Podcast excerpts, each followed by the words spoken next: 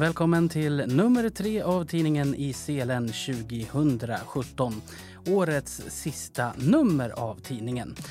I Selen det görs av ledarhundsverksamheten vid Synskadades riksförbund och skickas till alla som har dispositionsrätt för ledarhund i Sverige. Jag som gör tidningen heter Joakim Kohlman. I det här sista numret för året så fokuserar vi på aktuell information ifrån ledarhundsverksamheten. Precis som vanligt så börjar vi med ett chefsprat med ledarhundsverksamhetens chef Lena Ridemar. Och där kommer vi bland annat att prata om den budgetproposition som regeringen la fram i september. Glädjande nog så får ledarhundsverksamheten 2 miljoner extra i höjt anslag. Samtidigt meddelar regeringen att verksamheten kommer att flyttas från Synskadades riksförbund till Myndigheten för delaktighet, MFD. Och efter att vi har pratat om Lena, då ska vi prata mer om MFD. Vi har nämligen ringt upp MFDs generaldirektör Malin Ekman Aldén för att ta reda på hur MFD ser på övergången av verksamheten till sig. Och efter Malin så kommer det handla om veterinärer. Först så får vi en veterinärspalt med SRFs nuvarande veterinär Konstantin Strömbäck. Och sen så får ni möta vår nya veterinär som redan har börjat jobba och som just nu går parallellt med Konstantin här till efter helgerna. Och allra, allra sist, precis som vanligt, en telefonlista. Vi är framme vid årets sista chefsprat. Välkommen till studion, Lena. Tack så mycket. Nu har du nästan gjort ett år som chef. Eller hur? Hur känns det? Det känns väldigt bra. Det har dock varit ett tufft år, tycker jag med tanke på det som har hänt kring ledarhundsverksamheten och en eventuell flytt till en annan myndighet. Tycker du att det blev som du hade tänkt dig? Ja, med det undantaget så måste jag ju säga att, att jag tycker det har varit ett jätteroligt och fantastiskt år. Eh, att få jobba med så många fina kollegor och duktiga förtroendevalda. Mm. Mm. Vi ska väl börja med att prata om konsekvenserna av regeringens budgetproposition. Först så kom det ju lite glada nyheter i den. Precis. Eh, regeringen föreslår ju att eh, ledarhundsverksamheten ska få ytterligare 2 miljoner i höjt anslag för att kunna köpa in fler hundar. Vad kommer det innebära i praktiken? Eh, I praktiken så kommer det att innebära att vi ska göra en kompletterande upphandling hos de leverantörer som vi redan har avtal med. Och jag räknar med att, att det kommer att räcka till kanske sex hundar. Det låter ju väldigt positivt. Ja, verkligen. Det är jätteroligt. Tror vi att eh, leverantörerna också kommer ha kapacitet för att leverera de hundarna? Ja, det tror jag. Det tror jag. Mm. Budgetproppen innehöll ju också information om att eh, regeringen vill flytta ledarhundsverksamheten från Synskadades riksförbund och till Myndigheten för delaktighet. Vad Precis. vet vi om det? Alltså, vi vet ju inte så där jätte, jättemycket. Eh, det vi vet är att regeringen eh, ska ge ett uppdrag till den här Myndigheten för delaktighet att göra en konsekvensbeskrivning av vad det innebär att eh, flytta verksamheten. Och den ska göras nu tidigt i vår. Det uppdraget kommer i januari så vitt vi vet. Mm. Och då är tanken att verksamheten ska kunna övergå till 1 januari 2019, visst är det så? Ja, Ehm, de planerar ju att eh, göra de förändringar som krävs i lagstiftningen. För idag står det ju i den så kallade ledarhundslagen att det är Synskadades riksförbund som är myndighetsutövare. Och det måste ju ändras för att det här ska kunna träda i kraft. Hur kommer verksamheten bli nu under 2018? Kommer, kommer det märkas någonting att, att det är en flytt på gång för förarna? Nej, förarna kommer att ha ett bra och lugnt eh, hundår, tänkte jag säga. Eh, 2018 kommer inte att påverkas, men sen 2019, vi vet inte idag vad som kommer att hända riktigt. Hur kommer vi att hålla förarna informerade om vad, det, vad som händer och vad som kommer att hända? Vi har ju tänkt, du och jag, att vi ska utöka antalet nummer av Iselen nästa år så att vi förhoppningsvis kommer ut med sex nummer. Och Det gör ju att vi löpande ska kunna ge information om var den här processen befinner sig och vad vi tror kommer att hända. Mm. Det har ju funnits en lite mytomspunnen nästan e-postlista förut. Vad har hänt med den? Eh, jag har bestämt att vi ska ha en eh, kommunikationskanal med våra förare och det är i Selen. Så att den här e-postlistan eh, den kommer att läggas ner. Om vi tittar tillbaks till 2017, nu är ju alla hundar för året tilldelade. Hur många blev det? Det blev ganska precis 36 hundar. Och då är planen för nästa år, hur många hundar blir det totalt då? Då kommer det totalt att bli 40 hundar nästa år. Eh, därför att upphandlingen som gjordes inför 2018 den var baserad på 34 hundar. Så lägger vi till de här sex som vi kan köpa in när vi får mer pengar så blir det 40 totalt. Okej. Och då är ju den återkommande och ganska stora frågan, hur ser det ut med väntelistan? Ja, idag eh, består väntelistan av, om jag kommer ihåg rätt, ungefär 45 personer. Och vi har ett 20-tal personer som står och väntar på att få beslut om dispositionsrätt. Eh, det som kan förändra och göra listan längre det är ju att det är ganska många hundar som har tagits ur tjänst i år. Och om alla de förarna eh, väljer att ställa sig på väntelistan igen då blir den ganska lång ska jag säga. För jag tror att det är ett 50-tal hundar som faktiskt har gått ur tjänst i år. Det är ju ovanligt många hundar, visst är det så? Ja, det var 41 mm. hundar 2016 och som sagt eh, upp, uppemot 50 hundar i år. Mm. Av de här 45 som står på väntelistan, går det att säga någonting om hur många av dem som är förstagångsförare? Eh, nu ska vi se, jag tror att det är ett 15-tal som är förstagångsförare. Listan är ju fortfarande väldigt lång men det känns ändå som att den är bättre nu än vad den har varit. Ja, men som sagt, eh, om, om alla de förare som, som har haft hundar som nu är tagna ur tjänst, om, om alla de skulle välja att ställa sig på väntelistan igen och vi lägger till de som väntar på att få dispositionsrätt så är vi uppe i 120 personer nästan. Då har vi helt plötsligt en väldigt, väldigt lång ja, lista. Så allt är när man mäter mm. listans längd. Ja. Ledarhundsverksamheten har ju sina kurser på Almåsa. Nu har vi fått veta att Almåsa planerar att stänga under senvåren, från påsk och ända fram till midsommar. Kommer det här att påverka grundkurserna på något sätt? Vi kommer att ha grundkurserna kvar ute på Almåsa. Eh, just den byggnaden där vi eh, brukar bo och ha våra kurslokaler, eh, den berörs inte av den här renoveringen. Däremot så kommer maten att cateras upp till de lokalerna eftersom köket nere i huvudbyggnaden kommer att vara stängt. Okej, okay, så det blir kurser på Almåsa precis som vanligt även Jajamensan. Jajamensan. Mm. En ny veterinär har börjat arbeta på Synskadades riksförbund. Vi ska presentera henne lite längre fram i tidningen. Men kan du berätta lite kort? Lite kort eh, så var det ju så att vår tidigare veterinär Marie Norlén hon slutade ju i början av september. Eh, och som en tillfällig lösning så klev Konstantin Strömbäck in eh, och har då jobbat och jobbar fram till den 14 januari. Eh, och då har vi ju givetvis under tiden här påbörjat eller genomfört en rekrytering av en ny veterinär. Och hon parallelljobbar just nu med Konstantin. Hon heter Boel.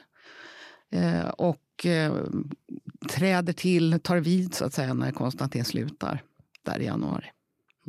Hur mycket kommer, kommer hon att arbeta? Boel kommer precis som Konstantin att jobba tre dagar i veckan. Eh, och hon kommer också att ha mottagning eh, en gång i månaden på eftermiddag kväll, precis som Konstantin har haft här på kansliet. För de som har ledarhundar i Stockholm? Precis. Mm.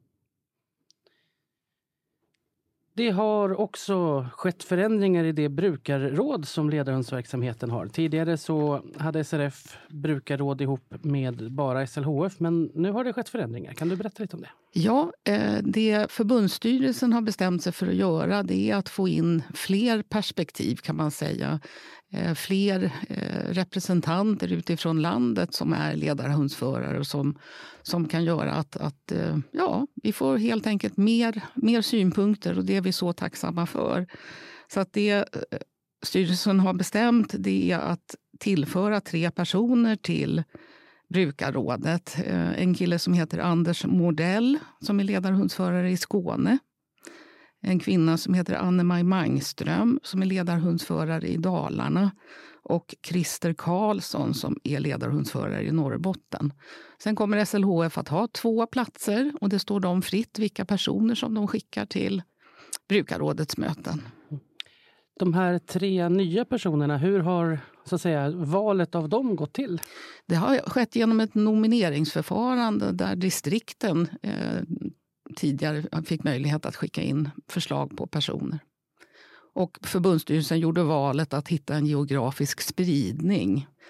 Eh, och därav så är det då södra Sverige, norra Sverige och eh, Sveriges mittpunkt, Dalarna.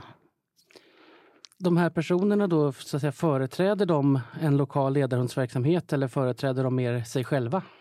Alltså jag skulle säga så här att eh, i vart fall eh, Skåne, de har ju en egen eh, ledarhundsklubb. Eh, så att den representanten är väl väldigt klar eh, utifrån det perspektivet. De andra två är nog framförallt ledarhundsförare. Erfarna sådana som jag hoppas kommer att kunna bidra med mycket tankar och idéer. Ja, som vi pratade om i början så kommer ju förhoppningsvis i Selen att komma ut oftare nästa år och vi kommer ju redan till nästa nummer förhoppningsvis veta lite mer om vad som kommer att hända. Tror du inte att det är så, Lena? Jo, absolut. Och som sagt, vi ska verkligen försöka hålla alla ledarhundsförare så informerade som det bara går. Mm. Då får jag önska dig en god jul och ett gott nytt ledarhundsår. Tack så mycket. Tack detsamma, Jocke. Tack. Som ni hörde i chefspratet så planerar alltså regeringen att flytta ansvaret för ledarhundsverksamheten från Synskadades riksförbund till Myndigheten för delaktighet, MFD. Där är Malin Ekman Aldén generaldirektör och vi ringde upp henne för att höra hur hon ser på att eh, flytta verksamheten till MFD. Ja, vi, eh, vi tycker att det ska bli eh, intressant och spännande. Det är en helt ny liksom, verksamhet för oss. Eh, och eh, det är, vi har ju liksom tagit del av det regeringen har skrivit och det de vill så vi, vi försöker nu liksom förbereda oss och eh, hoppas också kunna göra det i nära samarbete med Synskadades riksförbund som såklart eh, har drivit den jättelänge och har liksom en lång, lång och gedigen kompetens. Och, eh, vi, vi har inte fått ett regeringsuppdrag än så vi vet inte exakt hur det kommer att se ut men vi föreställer oss då att vi kommer att få ett, en första del som handlar om att göra en, en analys och, och liksom titta på, re, liksom reda ut de olika delarna och sådär och sen att utifrån det då gå vidare och se eh, vilka delar och hur vi så att säga ska jobba vidare med verksamheten som en del av myndigheten.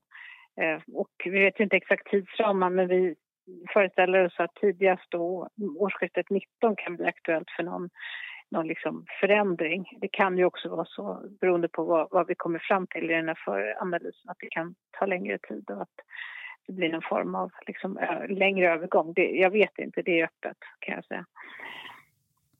Men Vet ni någonting lite mer konkret om hur ni i alla fall tänker er att arbeta inför ett sånt här övertagande? Ja, alltså vi behöver ju, vi behöver ju, kommer jobba i ett, i ett eh, separat projekt där vi också kommer att bjuda in eh, både så att säga representanter för ledarhundsförare, det finns ju lite olika Eh, Eh, föreningar och organisationer och de har, vi har träffat någon redan som har bett att komma hit och jag har fått ett mejl idag faktiskt om, om en annan som också vill träffa oss. Så att vi kommer försöka hitta former för det. Och sen, sen är det såklart, och det kommer ju stå i regeringsuppdraget att det ska göras gemensamt med Synskadades riksförbund som, som har verksamheten idag. Så det är väl, eh, det, så tänker vi och eh, vi eh, vi vill ju att det ska bli så sömlöst som möjligt. Alltså att det inte för en enskilde som har hund eller söker en hund så ska man, så ska man inte behöva liksom få något glapp eller att det ska bli något eh, stor, stor förändring i verksamheten. Alltså det som fungerar bra ska, ska vi verkligen på alla sätt försöka säkerställa att det fortsätter. Och, eh, och eh, sen i övrigt så får vi förhålla oss till liksom regelverk som gäller för oss som myndighet och, och, för vad det nu kan handla om. Det kan handla om lagstiftning som lagen om offentlig upphandling och så som vi såklart är, är ålagda att följa. Så det kan hända att jag hoppas, alltså i min, min värld så hoppas jag ju att när, när, vi har, när den här förändringen är skedd så ska det bli minst lika bra som det är nu. Och eh, är det eventuella saker vi i det här analysarbetet uppfattar att man behöver rätta till eller som SRF har sett som behöver eh, tas om hand så ska vi försöka också rätta till det. Och sen målbilden är ju på sikt att man ska få en stabil verksamhet, ha så lite köer som möjligt också ha ett aktivt utvecklingsarbete kring ledarhundsverksamheten för att den ska bli långsiktig även i framtiden och, och att den ska fortsätta liksom utvecklas därför att jag uppfattar att den är en väldigt, väldigt viktig verksamhet för de som, som använder hund eh, i sin vardag. Så, så tänker jag. Mm. På vilka sätt då kommer, rent konkret, kommer ledarhundsföraren att märka av eh, den här flytten? Det är väl att det är väl en... Det är lite svårt för mig att veta än eftersom vi inte har gjort den och inte riktigt vet eh, hur det kommer att se ut. Men det, det är klart att man kommer ju att vända sig till, eh, till myndigheten eh, och eh, för, för att ansöka och, och, och eh, vad det nu är. Liksom, det kan ju vara kring support. Jag vet inte exakt hur vi kommer att rigga det. Och, eh, eh, Synskadades riksförbund blir ju då på sikt ändå en tydligare vad man säga, påverkansaktör. Det, kommer ju, de, det är ju stora intressen såklart i, i ledarhundsfrågan i, i förbundet. Och det, men det kommer ju bli en rollfördelning däremellan där vi så att säga, kommer att hantera myndighetsutövning och det som hänger ihop med det medan SRF blir då en, mer en, en representant också för, för föraren och för frågan och sådär. Så att den, det kommer att bli en skillnad i att det är inte samma aktör som gör både och som det, man kanske delvis kan säga idag.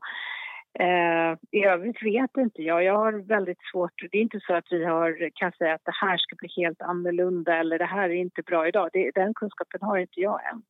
Men, eh, men det, det som... Eh, och det kan ju vara så att några delar av ledarverksamheten som idag sköts på ett visst sätt därför att det är en intresseförening som driver verksamheten kanske vi behöver formalisera. Men jag föreställer mig ändå att det är så att den kompetens man behöver utnyttja för att vidmakthålla en bra kvalitet så det är ungefär densamma därför att vi är inget jättestort land, det är inte massor av aktörer som, som finns utöver de som är aktiva idag. Så jag, jag, jag hoppas att, att man inte ska uppfatta att det blir någon stor skillnad. I så fall hoppas jag att, att vi har, har möjlighet att rätta till sånt som behöver rättas till om det finns sådana saker. Om vi märker att det finns såna saker i, i samarbetet med SRF nu kring den här överföringen. Mm. Fundera på, uh, kommer det ökade anslaget då från regeringen att leda till fler ledarhundar? Med tanke på verksamheten går idag eh, back och SRF skjuter in lite extra pengar från eget mm. kapital. Då. Om, kommer det liksom bli någonting kvar då till fler ledarhundar av det här extra anslaget? Eh, ja, men det, det hoppas jag. Det är ambitionen och det är därför de har delvis räknat upp eh, anslaget. För att det också är en kösituation som, som eh, kommer, om jag förstår det rätt, också att man har haft en, en så att säga, puckel där det är många hundar som har gått ur tjänst och, och det är en stor efterfrågan och så. Eh, det är väldigt svårt liksom, när man inte har helhetsbilden än och, och, och, eh, och bedöma liksom, fördelningen av kostnader. Nu, hela anslaget till ledrundor är ju, är ju förändrat så att det är ju eh, det är ju inte tydligt uppdelat vad olika delar kostar. Liksom. Ledarhundarna är ju upphandlade men de övriga delarna är ju väldigt svårt när man inte är inne i verksamheten och veta exakt vad som är vad. Så att, eh, och eh, jag kan inte säga med säkerhet att vi kan bedriva verksamheten på ett annat sätt som gör det mindre dyrt. Eller vi kanske tvärtom, det är svårt att veta än. Men jag, alltså regeringens ambition, och det får vi förhålla oss till, är såklart att, att vi ska få en minskad kösituation. Att man ska kunna få en hund när man behöver eller byta om det är så. Eh, det är ju liksom målet, så det måste vi jobba mot och försöka hitta smarta och effektiva sätt att bedriva det här så att, att det liksom är i fokus. Och sen ska vi, är det superviktigt att också jobba med att upprätthålla och och fortsätta utveckla kvalitetsfrågorna kring hundverksamheten. För, för både liksom föraren men också för hundarna såklart. Hur ser ni på den särställning som ledarhundar har idag då, jämfört med assistanshundar? Kommer den här särställningen vara kvar i framtiden? Ja, det tror jag. Det är helt, två helt olika typer av, eh, av tjänstehundar med helt olika förutsättningar och med olika krav på sig. Och, eh, ja, det har väl regeringen också varit väldigt tydliga med, tycker jag, i alla sina uttalanden att det är helt olika saker.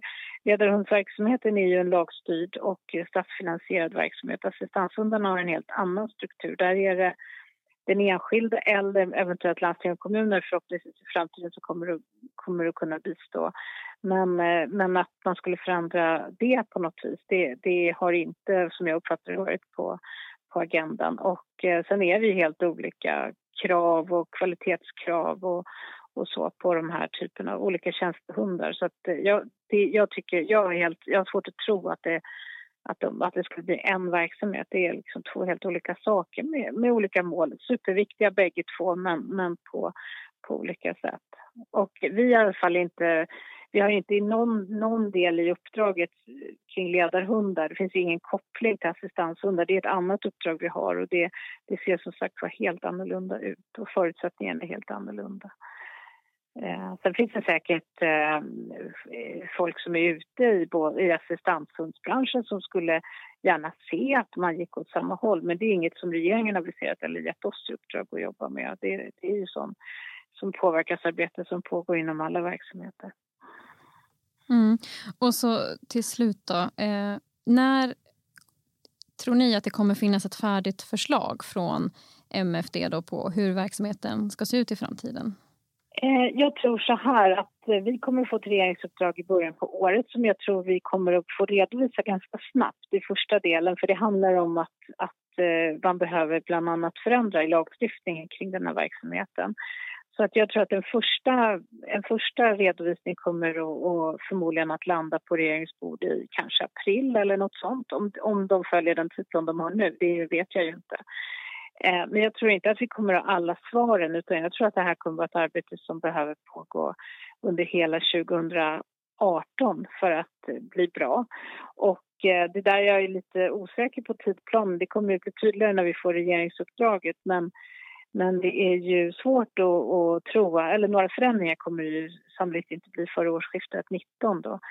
Så att eh, jag tror att det kommer att, kommer att eh, successivt liksom ta, ta form det här. Och eh, som jag sa från början, det är för oss väldigt viktigt att det sker i nära samarbete med både de som, är, eh, som använder sig av verksamheten, alltså de som är hundförare, men också eh, liksom SRF då, som ändå har drivit och har mycket kunskap. Och sen alla de aktörer som såklart finns inom ledarhundsverksamheter, allt från Eh, liksom dressörer till de som levererar hundar, eh, veterinärer. Det är en, det är en massa kompetens som finns där som, som ska vara med i det här arbetet på, på lämpligt sätt. Så vårt, vårt, vårt jobb nu är att rigga det här projektet så att vi på bästa sätt liksom tar tillvara den här kunskapen så att, eh, så att vi får med oss allt det som behöver komma med så det blir bra. Och sen också reda ut rollfördelningen för Synskadades riksförbund kommer ju ha någon form av, föreställer jag mig, eh, arbete kring ledarhundsverksamheten även framöver. Men den kommer se annorlunda ut och det är lite svårt för mig att veta nu vad det kommer att bestå i eller vad de vill göra. Det är ju liksom det är ett, det är ett åtagande från SRF och, och vad som är myndighetsutövning och vad som man inte uppfattar i myndighetsutövning. Det är väl också något vi ska reda ut i en ganska komplex liksom, verksamhet som det är.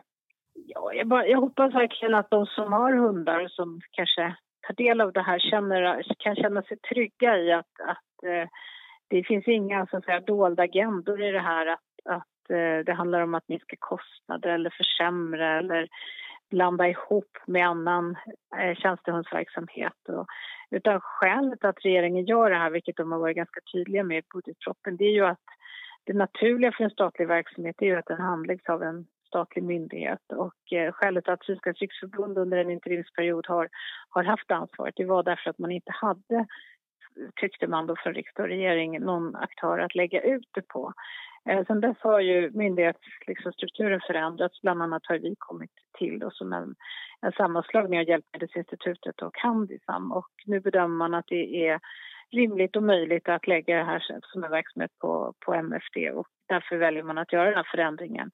Och riksdagen redan när man fattade beslut om att ge Svenska riksförbund det här uppdraget då för ett antal år sedan så, så tillkännagav man att det här var kan man säga en interimslösning tills man hittade en, en lösning som var mer ordinär då i form av att en myndighet tog, hade det här myndighetsutövningsansvaret. Så jag tänker att det är viktigt att komma ihåg att det är fokus, det är inga andra. Det, det handlar inte om att man vill förändra eller att man har massa synpunkter på hur eh, Sydsvenska riksförbund har skött det här, utan det är en, en ganska naturlig formell förändring som regeringen vill göra. Och vi har följaktligen inte heller några andra agendor utan vi, vi ska försöka göra det här så bara bra det kan bli och med, dem, liksom med målbilden att det ska bli en långsiktig och hållbar och fungerande verksamhet för de som behöver hund.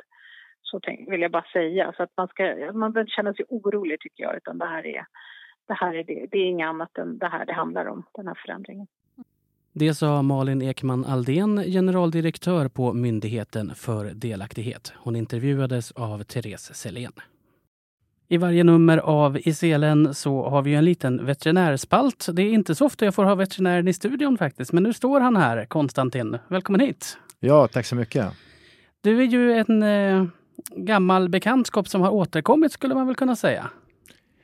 Ja, eh, jag har ju varit här lite grann och haft eh, kvällsmottagning någon gång i månaden men nu eh, eh efter det att eh, Marin Åhlén gick i pension så fick jag ett, en förfrågan om jag kunde hjälpa till i några månader här fram till årsskiftet. Så att, eh, nu jobbar jag på 60 procent här på kansliet. Eh, det blir måndag, tisdag och torsdagar och så har jag någon kvällsmottagning per månad för hundarna i Stockholmsområdet. Förut har det ju varit så att eh, SRFs veterinär måste godkänna större ingrepp och sådär. Är det fortfarande det som gäller? Ja, så är det fortfarande. Det, är det så att eh, det uppstår en akut situation så självklart ska man åka till närmsta veterinär och få den hjälp som, er, eh, som eh, behövs för stunden. Eh, men är det så att man efter det här första inledande skedet eh, bör planera in större vårdinsatser och och eh, eventuella operationer, då är det jättebra om eh, både föraren och den behandlande veterinären på plats kontaktar eh, mig som SRS-veterinär eller någon på annan på ledarhundarna om inte jag är här.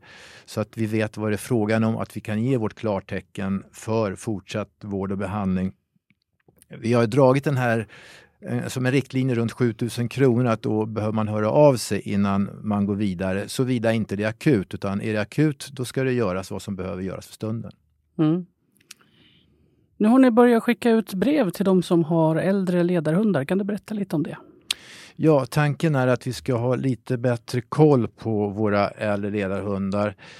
Eh, dels eh, hur de mår och också lite grann hur, eh, vilka eh, vad, vad som eh, väntar framöver. Eh, hur eh, vi ska möta de utmaningar som finns framöver så vi behöver ha koll på deras eh, hälsostatus helt enkelt. Och för det så har vi tänkt oss att de ska besöka sin lokala veterinär och göra en hälsoundersökning där man tar eh, dels ett blodprov så man tänker lite mer på hur de inre organen fungerar och också lite extra på hur hunden rör sig och hur rörelseapparaten fungerar. Och I samband med det så kollar man två saker till extra mycket och det är framförallt vikt eh, som det är extra jobbigt för hundar som är äldre som har problem med lederna när de har övervikt. Och eh, ett annat problem som har blivit jättestort på eh, senare dagar är öronproblem. Så det är också en grej som vi vill kolla lite extra på som är inte alltid så lätt att ha koll på själv om man, inte, om man har nedsatt syn. Mm. I de här breven som ni skickar ut så står det också att man helst ska ta med sig ett, ett urinprov till veterinären. Ja. Hur ska det gå till? Ja. Om det, om det går eh, så kan man fånga upp det här urinprovet eh, i en ren glasburk. Men om vi har förståelse för om det är besvärligt så kan man inte lösa det på ett sätt utan att det är väldigt bökigt så kan man hoppa över det. Okay. Vad är det man kan se i det här urinprovet som gör att ni vill ha det? Uh, det är uh, dels hur bra urinen är koncentrerad uh, och Eh, om det finns eh, slaggprodukter i urinen.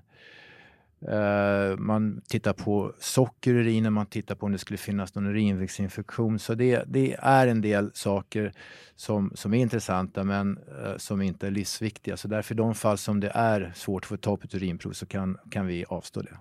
Okej. Vad händer efter att den här mm, hälsokontrollen hos veterinären är gjord? Ja, då får vi eh, ett svar från den veterinären så att vi får en, en rapport in med, en, eh, med ett, ett svar på blodproven och eh, en, eh, ett besiktningsprotokoll där det framgår hur, eh, vad, hur hunden mår och om det finns några eventuella bekymmer, vad i så fall man ska göra med dem. Och då bildar vi oss en uppfattning om, om hur läget är med den här hunden och vi kan, vad vi har att vänta oss inför framtiden från, från det här ekipaget. Hur kommer ni sen att jobba vidare med, med de här äldre hundarna efter tio år? Kommer det göras förnyad kontroll liksom vid elva år eller hur, hur tänker man sen vidare? Ja, tanken är att så länge som hunden är frisk och mår bra, då ska den vara i tjänst. Men det finns kanske en gräns där även en ledarhund behöver så att säga, gå i pension. Och, eh, det, då är tanken att man gör om ett nytt test vid 11. Såvida inte det här testet redan vid 10 säger att den här hunden faktiskt inte mår bra och inte orkar med sitt arbete som ledarhund. Eh, så utifrån det testet vid 11 år, då får man ju börja fundera lite grann på om eh, dessa hundar ska fortsatt jobba eller om man kan eh, möjligen hitta ett annat hem åt dem där de bara får vara sällskapshundar. Sen kan det vara i värsta fall en del hundar som faktiskt visar sig vara eh, sjuka, eh, som vi, vi hoppas att det inte är så, men det kan ju dyka upp fall där man märker att tyvärr så, så är den här hunden i ett läge, sjukdomstillstånd som man försöker göra någonting åt. Och eh, är det så att man inte kan ha ett drägligt liv för den hunden, då finns i värsta fall möjligheten att en sån hund måste få somna in också. En till sak som ni efterfrågar eh, det är att man ska rapportera in hundens vikt en gång per år. Varför vill SRF det? Övervikt har blivit ett stort problem bland våra hundar allmänt i samhället och tyvärr är det så även på SRF. Och, eh, vi märker tyvärr att eh, sakta men säkert så går medelvikten upp. Och, eh, vi behöver ta tag i det här problemet, dels för hundarnas skull men också för att allmänheten har ögonen på oss och eh, det ser eh, i vissa fall inte bra ut. När vi, det ser ut som att vi inte sköter om våra hundar om vi inte följer upp deras vikt och ser till att de har en vikt som är anpassad för, för dem helt enkelt. Så att eh, det är någonting som vi kommer skärpa oss med. För det är en ganska tydlig indikator på hur, eh, egentligen, hur det står till med en hund. Och övervikt är ett problem som leder till andra sjukdomar så därför tittar vi extra noga på det framöver. I flera medier så har man tidigare under hösten kunnat läsa om en ledarhund som höll på att dö av råttgift. Hur är det Konstantin, är det här någonting som man behöver vara orolig för som ledarhundsförare? Ja, man behöver vara medveten om att eh, i och med att det har blivit fler råttor så läggs det i storstäderna så läggs det ut mer råttgift också. Och, eh, det gör ju att man behöver kanske tänka till lite extra innan man släpper sin hund lös i områden som man inte riktigt har koll på. Uh, och gör man det så är risken större att olyckan är framme, att uh, hunden kanske får i sig råttgift. Och då, då är det så att det tar mellan en och tre dagar tills man börjar få lite symptom och till en början så blir hunden trött och håglös och uh, i, ja, i kraftigare fall så kan man kan den få blödningar och det är det som råttgiftet leder till, att, man, att hunden blöder, att man får en ökad blödningsbenägenhet. Och det kan bli blödningar från eh, ja, avföringen, det kan bli blödningar från näslemhinna, det kan bli blåmärken i huden. Så tar man en misstanke om att det finns råttgift i området och man har en hund som har nedsatt allmäntillstånd så tycker jag att man ska kontakta sin lokala veterinär och då är det kanske bra att fråga också om den veterinären har möjlighet att mäta i blodet om, eh, om hunden har fått i sig ett råttgift. För annars blir det ändå bara att man spekulerar i stort sett om man inte har väldigt tydliga symptom på, på blödningar. Hur farligt är råttgiftet för hundar? Ja, det är tyvärr så att en del hundar som man inte riktigt haft koll på att de har ätit råttgift och missar den diagnosen, då kan de ju dö av inre blödningar.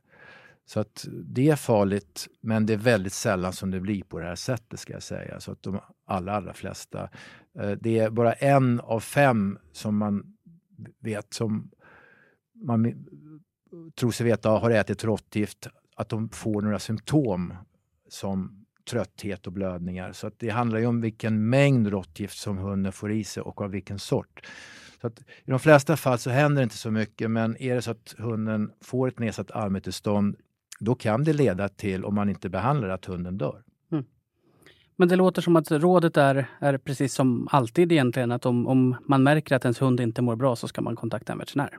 Ja, så är det. Har man ett nedsatt allmäntillstånd och kanske misstanke på att det finns råttgift kan man dessutom ta reda på vilket råttgift det är så underlättar det för den veterinär som ska ta hand om fallet.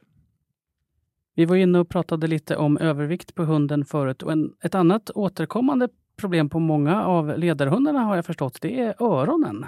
Ja, öronproblem, otiter som de kallas, eh, de har kom, kommit upp på en första plats vad gäller anledning till veterinärbesök. Vi tänkte just slå ett slag för att försöka förebygga öronproblem och en bra början är att man håller öronen hyfsat rena från vax och andra eh, pålagringar som kan bli inne i örongången.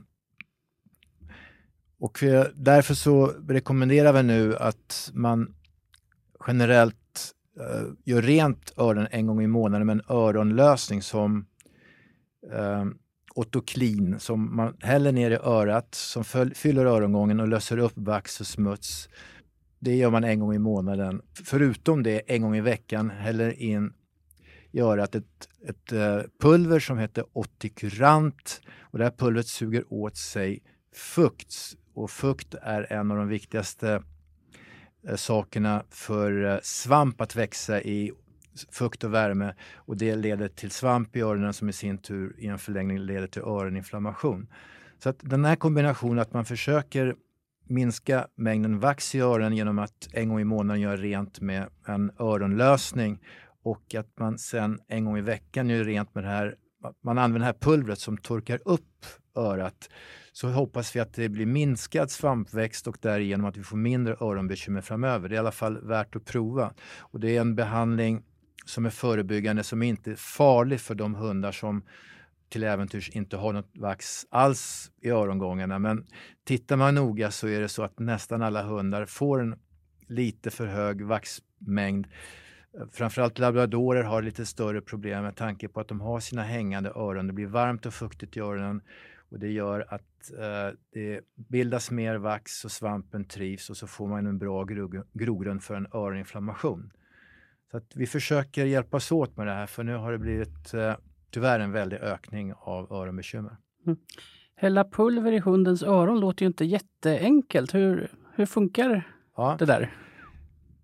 Ja, det, det, de här, det här pulvret det kommer in i små doskuvert som är ungefär stora som ett frimärke. Och då river man av den övre delen av det här, den här lilla påsen och så försöker man vidga påsen. Man kan stoppa in en penna i påsen så att det, hålet ner till påsens botten blir så stort som möjligt så att pulvret som finns längst ner i påsen verkligen kommer ut. Och sen är det bara att vända upp och ner på den här lilla pulverpåsen när man, när man känner att man har hundens öra och så att säga uh, själva öppningen till hörselgången eh, mellan sina fingrar. Och då häller man ner pulvret i örat och lite grann masserar öronlappen så att det här pulvret sprider sig.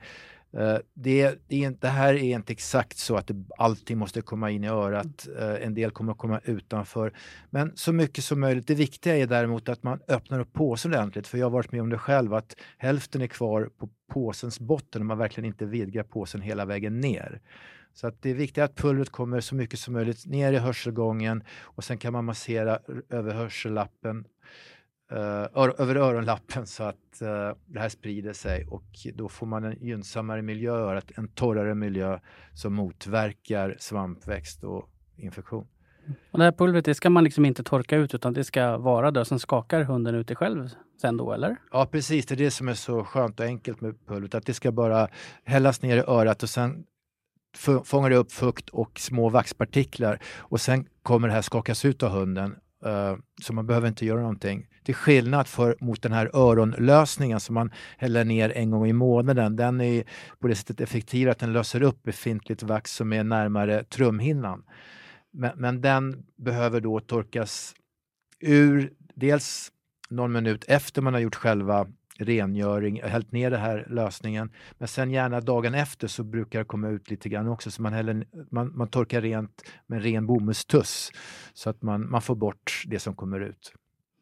Då låter det som att man inte ska vid den här mån, månatliga rengöringen så ska man kanske inte köra pulver samma, samma dag sådär. Nej precis, utan det, det ena motverkar det andra kan man säga. Utan lösningen kör man för sig och sen kan man köra pulvret eh, en halv vecka senare. Nu säger vi hej och välkommen till den nya SRF-veterinären. Vad heter du? Hej, jag heter Boel Sandros. Och du kommer att jobba här från och med nu som veterinär? Ja, jag har redan börjat här eh, vid Lucia. Mm. Hur, hur mycket kommer du att jobba? Jag kommer att jobba lika mycket som Konstantin, alltså tre dagar i veckan. Mm. Kommer du ha någon så speciell telefontid och så på de här dagarna, eller hur funkar det?